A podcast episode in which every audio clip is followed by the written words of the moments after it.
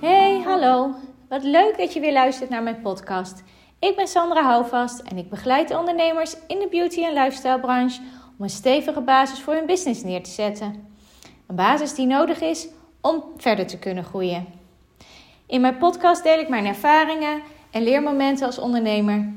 En ontvang je mijn tips hoe je de beste basis voor jouw business neerzet, zodat ook jij kan doorgroeien naar de onderneming van jouw dromen. Wat gaaf hé! Het is alweer de derde podcast die ik opneem. Weet je nog dat ik de eerste aflevering vertelde dat ik podcast echt maand voor me uit had geschoven? Omdat ik het toch wel een beetje spannend vond. Dus ben ik eigenlijk best wel een beetje trots op mezelf.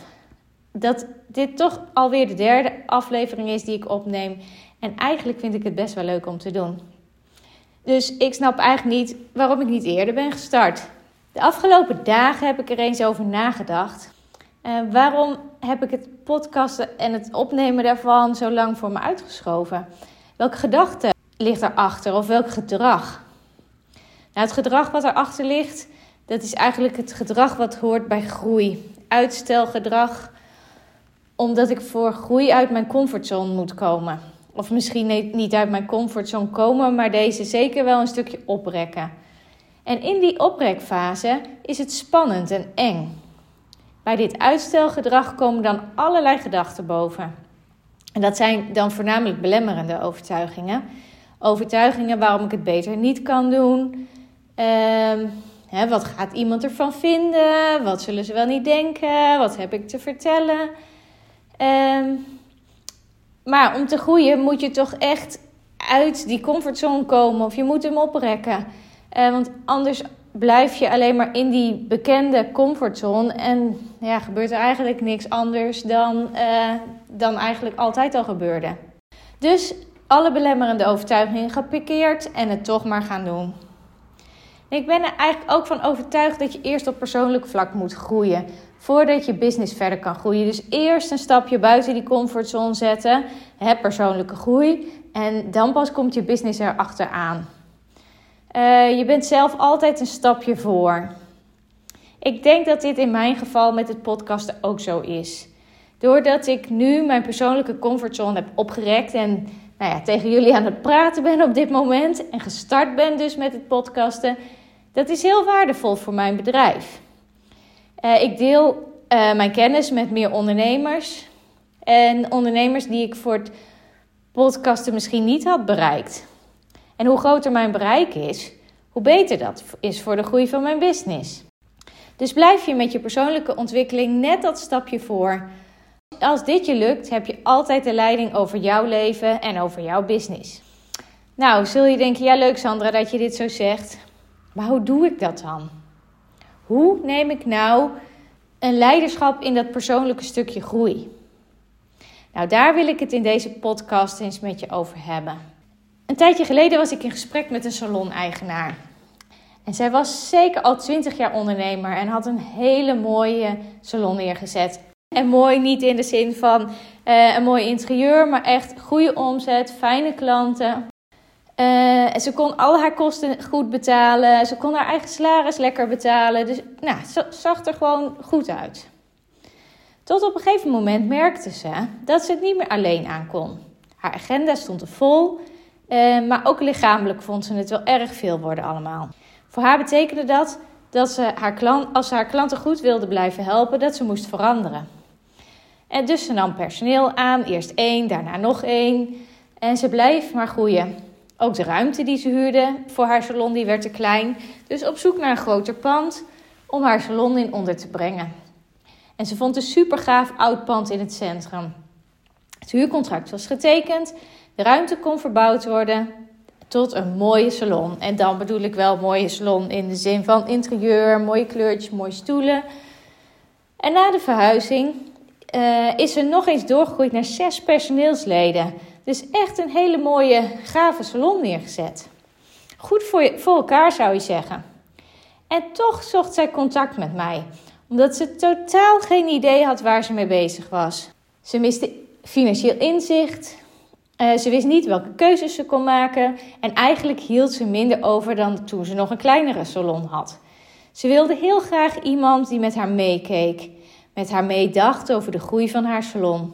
Misschien denk je nu, waarom vertel je mij dit? Ik vond dit een heel mooi voorbeeld van een ondernemer die alle aandacht voor haar salon heeft gehad, maar daar vergeten is, daarbij vergeten is om de basis aan te pakken. De basis, het fundament van haar salon, was niet breed genoeg om op te groeien. Die basis had ze alleen neer kunnen zetten als zij zelf de leiding had genomen. De leiding voor het neerzetten van een stevig fundament, waardoor haar salon financieel gezond had kunnen groeien. Door de leiding te nemen over je bedrijf en dus over je leven ben je bezig met persoonlijke groei.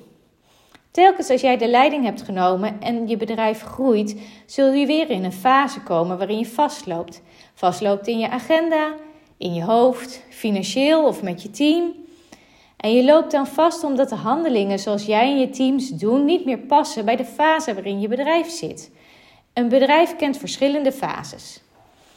In de opstartfase, bijvoorbeeld als je net start, ben jij degene die alles uitvoert. En daarna zul je je gaan specialiseren in bepaalde behandelingen of uh, bepaald soort type klanten. Uh, en klanten zullen speciaal naar jou komen omdat jij goed bent in wat je doet. In de fase daarna zul jij het drukker krijgen. Je zit niet meer in de opstartfase, daar ben je al uit. En je kunt het niet meer alleen aan. Je wordt dan eigenlijk een leider met een lange ei. En deze fase veroorzaakt over het algemeen veel stress en zorgen. En in deze fase heb je een keuze. Of je blijft doen wat je altijd deed en neemt geen nieuwe klanten meer aan. Dat is een keuze. Dat is, als dat voor jou prima is, is dat helemaal goed. Of je neemt de stap naar leider en deze keer met een korte ei. Dus dit is een fase waarin je bewust moet kiezen.